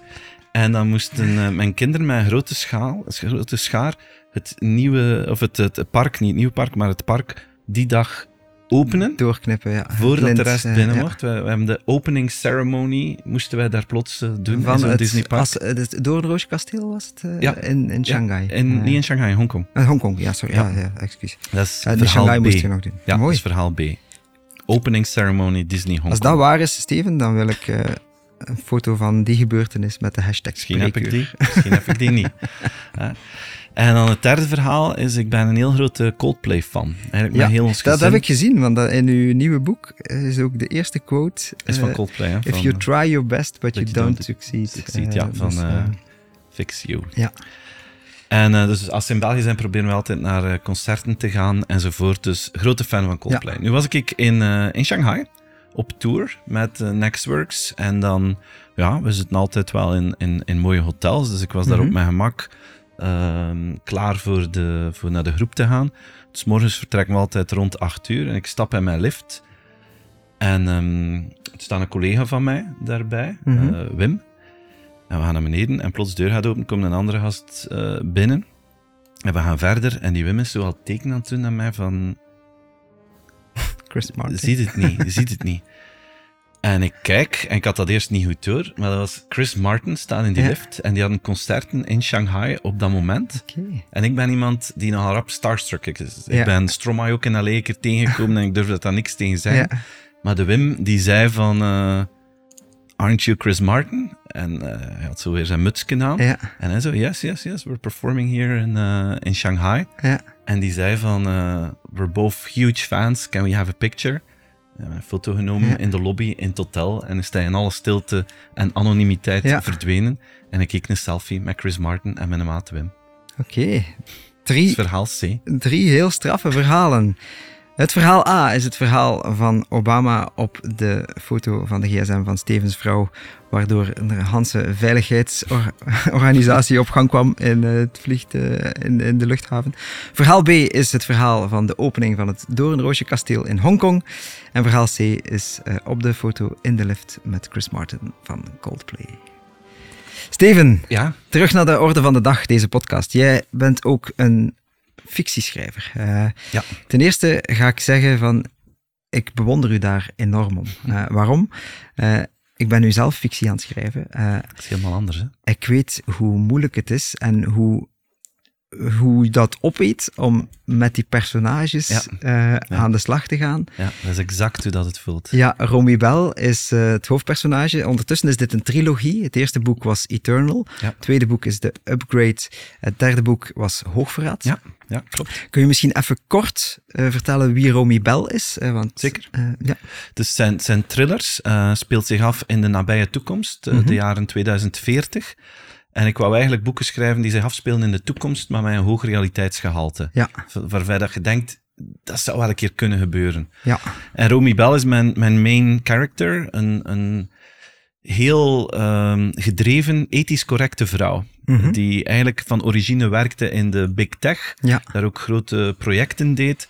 Maar eigenlijk vanuit die overtuiging van technologie kan de wereld ten goede veranderen. Ja. En ik ga proberen dat te stimuleren. Ik ga de slechte Ja. dingen tegenhouden en ik ga al in op de, op de goede ja, dingen. want in het tweede boek, The Upgrade, wordt ze eigenlijk het hoofd van een ethisch bureau. Ja. Eh, Is zij de ethische commissie Ja. rond uh, technologie in de gezondheidszorg? Ja. Uh, moet zij gaan dus, managen? dus jij bent daar expert in geworden door de research te doen voor dit boek Ja, waarschijnlijk. ik heb daar heel veel, veel bijgeleerd ook, Ja. met heel veel mensen Ja. over gebabbeld. En, en dit is, ja, ik, ik, dat is een heel actueel topic geworden, hè, ook rond die coronavaccins en zo, want dit is een Mhm. Ja, maar je gaat hier ook ver in. Hè? Je gaat hier van Ja. baby's op maat eh, tot, eh, ja, weet ik veel, op maat, eh, tot eigenlijk een virus ja. die het DNA op grote Is schaal dit, verandert dit boek is mensen. voor COVID uitgekomen? Of, of Nee, midden in COVID. midden in. COVID, ja.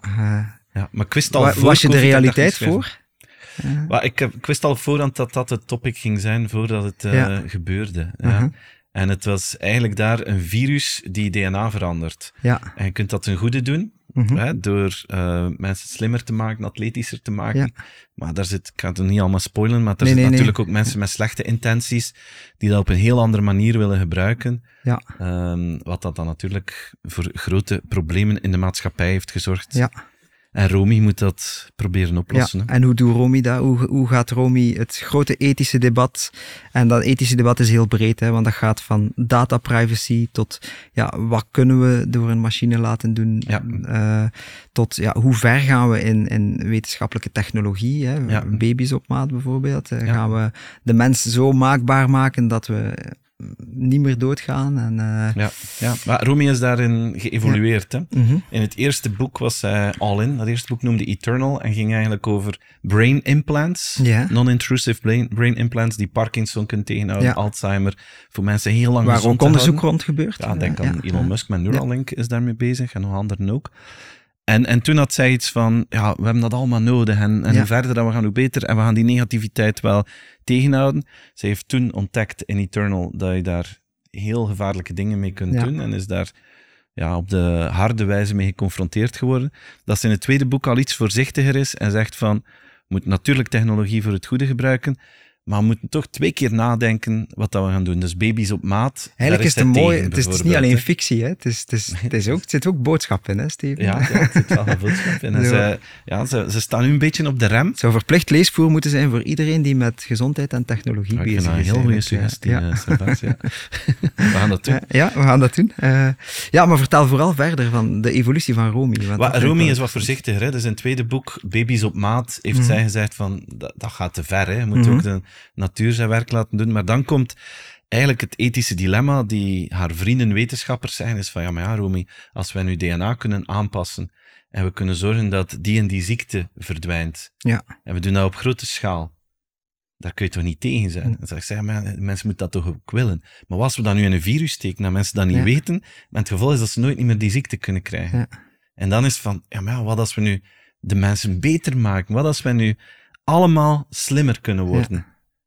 Ja, en dan krijg je En dan zegt Romy, wie zijn wij om te wij beslissen, om dat te beslissen? wat dat beter is? Eh, Ja, en wil ze dat tegenhouden? Ja. Hè, want eigenlijk in de upgrade, de, de slechteriken, Ja. is een onderneemster die heel succesvolle Ja. software gemaakt heeft om het onderwijs mhm. naar een hoger niveau te tillen, maar ook snapt van we botsen daar toch nog op limieten.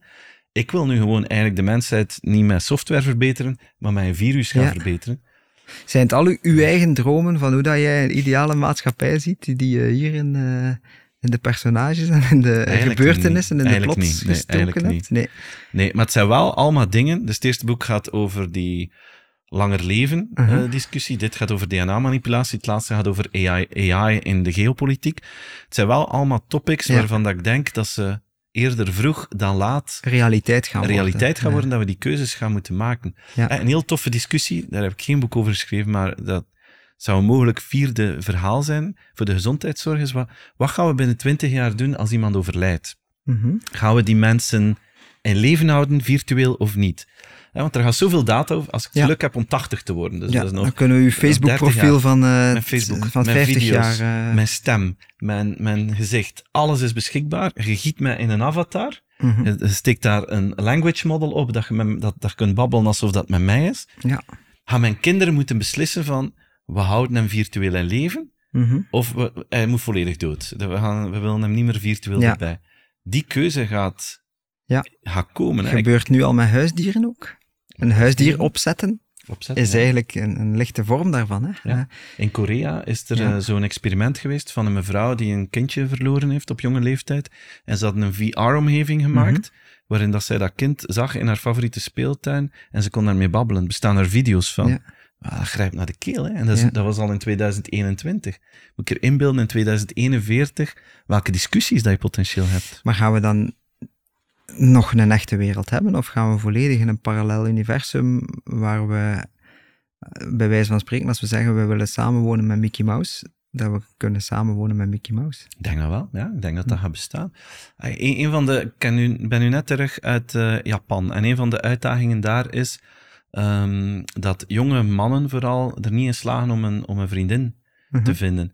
Heeft te maken ook Dus- met hun cultuur. Dus maar we maken één. heeft Eh, ook te die maken eigenschappen. met, eh, met gaming addiction, mhm. die begint te ontstaan. Ehm, ik hoorde deze ochtend dat in Korea de overheid de jongeren onder de, laten we zeggen 24, ik weet niet, jonge, jonge mannen, krijgen een bonus van 500 euro cash om op café mee te gaan. Ja. Omdat het niet meer gebeurt en ze Dus, eh, tekort aan kinderen krijgen. Ja. Dus die populaties verouderen Ja. en de jeugd zit achter hun schermen. Dus dat is, dat is een onwaarschijnlijk probleem. Ja. Staan we genoeg stil bij wat er gaat gebeuren in de nabije toekomst? Ehm, Het is heel moeilijk te voorspellen ook. Hè? ja. Je, weet het, je weet het ook niet wat dat er Mhm. gaat komen, maar het, is, het, het debat wordt altijd vanuit sensatie of te negatief ja, angst. Er wordt angst weer gezaaid. angst van AI pakt de jobs weg, of Mhm. AI gaat Ja. de derde wereldoorlog creëren. Maar laten we nu een keer op zijn romies kijken van, jongens, welke Ja. voordelen willen we als maatschappij hieruit halen? Mhm, Ja, En laten we die voordelen creëren. Dan krijg je een heel ander debat. ja. Ja, ik denk dat dit gesprekje daar hopelijk al een stukje Ja, toe bijgedragen hopelijk, heeft. Eh, ik vond het alleszins zeer inspirerend, vooral dat laatste stuk. ehm, ja, het heeft mij ook inzichten gegeven van dat we echt er op iets afstevenen waar wij hier nu wel heel diep over zitten te praten, maar voor heel veel mensen nog de ver van hun bedshow is. Ja, Eh, klopt. dus je creëert eigenlijk ook een soort kenniskloof eh, Ja, ja, op dat vlak, Zeker. waar dat wij waarschijnlijk al heel veel mailtjes automatiseren en eh, Ja. van deze podcast die opgenomen is, waarschijnlijk al een voor 80% afgewerkte versie van de show notes via een artificial in- instrument tool krijgen. Ja, wel, in dat zitten kader we dat- zo en andere discussies nog bezig van als een kindje zijn huiswerk maakt Voilà. via ChatGPT. Eigenlijk is dat dramatisch dat er scholen zouden zijn die dat verbieden. Het Mhm. is, moet het omarmen, moet ze het laten leren mee werken. leren mee omgaan. Hè? Critical thinking zal Ja. een van de grootste kwaliteiten worden van, Ja, van dus, mensen. dus leer ze dat. eh, Leer ze iets doen in ChatGPT en de beperking ervan inzien. Ja. Ja. Want ay, Dus de, een- een- de illusie dat ze het niet De opdracht van maak een eindwerk met ChatGPT, maar zorg dat het voldoet aan Ja. menselijke standaarden. Maar is er nu nog één schrijver van non-fictie in de wereld die niet ChatGPT gebruikt als je een boek aan het schrijven bent? Wel, het eerste dat ik doe is van, ik, ik denk er na, ik denk eraan om een boek te schrijven daarover. Wat, zou, eh, wat zouden mogelijke Ja. topics kunnen zijn die daarin kunnen? Tuurlijk. Eh, Of je zit ja. even vast en je denkt een paar ideeën. Tuurlijk, Ik moest gisteren een slide maken en ik vond niet onmiddellijk een Mhm. structuur. Ik vraag dat even aan ChatGPT. Ah ja. Ja. En dan giet ik daar mijn eigen saus weer over. Ja. Maar het gaat zoveel rapper. Je hebt een research partner ja, dat is die waar. unlimited en bijna gratis Maar je moet hem dubbelchecken. Eh, moet die want, critical eh, thinking Je moet, eh, als, de- als je hem een, een link vraagt van een wetenschappelijke studie, Ja, dan klopt het niet. Hè? dan klopt het eh, Nee. langs geen. Eh, Nee. Dus, maar inderdaad, dat kritisch denken. Ja. Eh, maar dat ding is nog geen jaar oud, hè, Servaas. Moet je het, erin beelden binnen vijf jaar. mhm, absoluut, ja. Dus, En eh, het wordt natuurlijk goed gevoed door de mensen die het al ja, we gebruiken. zijn Maar- dat allemaal aan het trainen aan 100 per uur. Ja, dus eh, dat is ook waar ik van droom eigenlijk in de gezondheidszorg. Als we met de nieuwe datamodellen aan de slag gaan en inderdaad die foto's van uw eten combineren met Ja. uw DNA, met uw voeding, dat we op die manier eigenlijk naar een learning healthcare system gaan gaan. En, en veel sneller, veel vroeger dingen gaan kunnen ontdekken. En ik ga voor u exact het juiste advies kunnen geven dat ervoor zal zorgen dat jij niet meer stopt in een wegrestaurant. Omdat ik weet hoe dat, Hoe dat hoe dat denken gebeurt. Ja. Eh, dat kan ik nu niet. Die kennis heb ik nu niet. Ik Ja. kan, ik kan nu uw barrières die daartussen zitten nog niet opsporen, snapte? Ja. Maar door AI in de modeling te gebruiken, gaat dat plots wel mogelijk zijn. Eh, dus het heeft positieve dingen, het heeft ook gevaren. Eh, dus we moeten dat ethische debat ook zeker, eh, Ja, ja absoluut. zeker gaan voeren. Maar. Volledig mee eens. ik denk dat we dit niet meer deze podcast gaan kunnen doen, Steven. Maar wat mij betreft is dit gesprek zeker voor herhaling eh Heel vatbaar. Heel graag. Ik ga u nog een paar kleine uitsmijtvraagjes Ah ja, stellen. Gewoon omdat het mij interesseert eh, en omdat eh, AI dat goede vragen vond. Steven, welk boek lees je momenteel? Eh, Momenteel, Do You Speak Disney? Ben ik aan het lezen van een journalist ehm, bij ons hier in België die uh-huh. mega veel research gedaan heeft over Disney en er staan allerlei nieuwe facts in die ik nog niet kende. Oké, dan moeten we daar straks ook nog eens over verder praten. Wat is het grootste misverstand rond artificial intelligence? Ehm, het grootste misverstand is volgens mij dat het ervoor gaat zorgen dat wij met z'n allen ja, luie, niksdoende wezens gaan, Mhm. gaan worden. Ik denk dat mensen altijd... st- Stel nu, hè, Mhm. dat AI zo goed wordt dat alle werk geautomatiseerd zou kunnen worden. Puur hypothetisch. Ja, dan heb je mensen die denken dat wij heel de dag naar tv gaan zitten kijken. Ik geloof dat niet. Nee. Dan, komt de creativiteit en het ondernemerschap Ja. en de passie komen weer boven en we gaan weer nieuwe dingen En starten. de sociale behoefte blijft En alles. ja, iets dat ingevuld gaat moeten worden. Dus eh, ik denk niet dat wij allemaal luie wezens gaan worden. wat is uw favoriete innovatie op vlak van uw eigen expertise, van klantgerichtheid? Eh, ik denk op, op dit moment echt wel artificiële intelligentie. Omdat dat nu... Voor mij is dat een even grote gamechanger als het internet of als mobiele telefonie. Ehm, omdat je je customer service naar een veel hoger niveau Ja. gaat kunnen tillen. en geldt dat dan ook voor andere vlakken, zoals voor gezondheidszorg? Ik denk dat wel. Ik denk Ja. echt dat dit iets is dat onderschat wordt. Het is men zegt het is Ja. een hype. Ik denk dat het een underhype is. Wat is uw lievelingsgerecht? Dat is onmogelijk te beantwoorden. ik eet heel veel graag. Ja, Ja. nee, ik eet de, de Vlaamse kost graag. Ah, we Ja. zijn in Japan geweest, dat vind ik ook lekker. Ik, ja, ik kan van heel veel verschillende dingen genieten. Oké. Wil je een uitdaging aangaan met mij? Ja, natuurlijk. Eh, wilt je uw volgende vijf verplaatsingen Ja. die je doet over lange afstand niet stoppen in een wegrestaurant, maar je voorbereiden voordat je vertrekt en zorgen dat je iets gezond mee hebt van Dat thuis? ik iets meepak. Ja. Heb ik echt nooit aan gedacht. Servaas.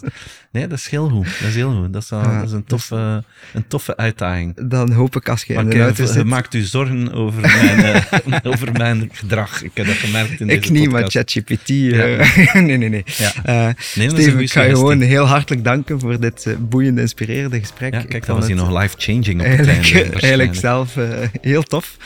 Eh, en ook de kijker en de luisteraar wil ik heel hartelijk danken. Ehm, we gaan op social revealen wat Steven ons voorgelogen heeft. En ik hoop dat je hier een klein beetje inspiratie aanpakt. Je moet er niet bang van worden van artificiële intelligentie. Ga er maar gewoon mee aan de slag. Eh, we leven wel in een nieuwe wereld. Bedankt om weer even tijd te maken om naar Spreekuur te luisteren. Ik ga dat nooit vanzelfsprekend vinden. En heel graag tot de volgende week.